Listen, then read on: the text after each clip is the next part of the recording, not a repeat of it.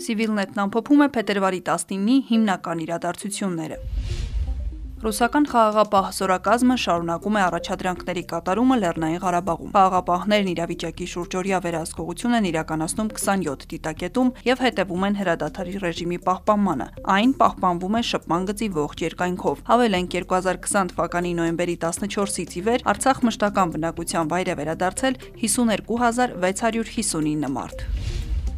Հայաստանի Հանրապետության կառավարության փետրվարի 18-ի որոշմամբ ընդլայնվել է Արցախյան պատերազմում վնասված կամ խեղում ստացած զինծառայողների աջակցության միջոցառման շահառուների շրջանակը։ Աջակցության միջոցառման շահառու են հանդիսանում նաև ռազմական գործողությունների ընթացքում ստացած վնասվածքի կամ խեղման պատճառով առաջին կամ երկրորդ խմբի հաշմանդամ ճանաչված զինծառայողները։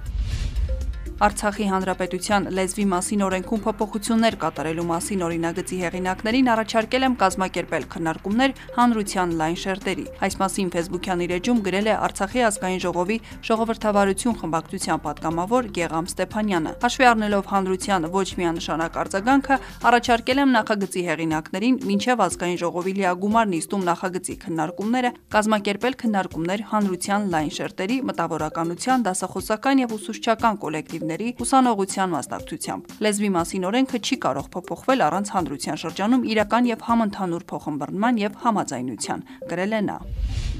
Պատերազմի առաջին օրերից Սփյուռքի ջանքերով եւ Հայաստան համահայկական հիմնադրամի օժանդակությամբ Սփյուռքի տարբեր կենտրոններից Հայաստան է հասնում մեծածավալ մարդասիրական օգնություն։ Առ այսօր Հայաստան է հասել ավելի քան 184 տոննա մարդասիրական տարաբնույթ օգնություն։ Ստացվել են բժշկական ժամանակակից սարքավորումներ, առաջին բուժօգնության վիրակապեր, վերքերի մշակման եւ մաշկի վերականգնման բուժական միջոցներ, ծմերային տակ արտահակուստ եւ կոշիկներ, քնապարկեր, վրաններ, մահճակալներ, սնունդ, նվերների փաթեթներ, Արցախի դպրոցական գործարարների համար եւ այլն։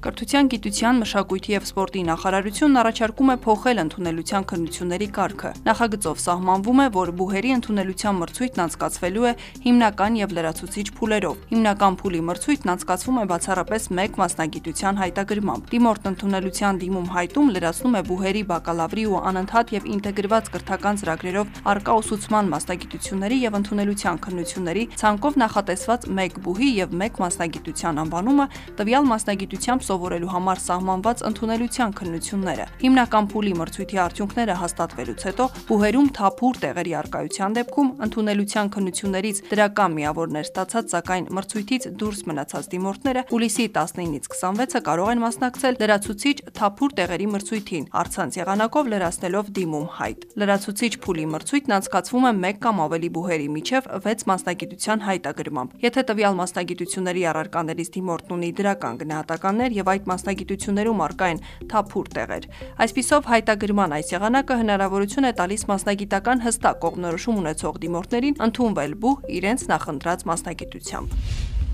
Եվ վերջում դատարանը վերսկսում է Արագաստ սրճարանում Պողոս Պողոսյանի սպանության գործի քննությունը։ Գործը մակագրվել է դատավոր Կարեն Ֆարխոյանին։ Այս գործով մեղադրյալը Ռոբերտ Քոչարյանի թիկնազորի անդամներից Աղամալ Հարությունյանն է։ Նա մեղադրվում է անզգույշ մահ պատճառելու հոդվածով։ Անցած տարի վերաքննիչ քրեական դատարանը բավարարելով գլխավոր դատախազության բողոքը վեկանել էր 2002 թվականին Երևանի կենտրոնում Պողոս Պողոսյանի սպանության գործով վճռին եւ ուղարկել նոր քննության։ Ըստ դատախազության ավելի վաղ տարած տարածած հաղորդագրության գործով ականատես վկաների դիմումների եւ հարցաքննությունների արդյունքում ողջվել են դեպքի մասին էական նշանակություն ունեցող տեղեկություններ։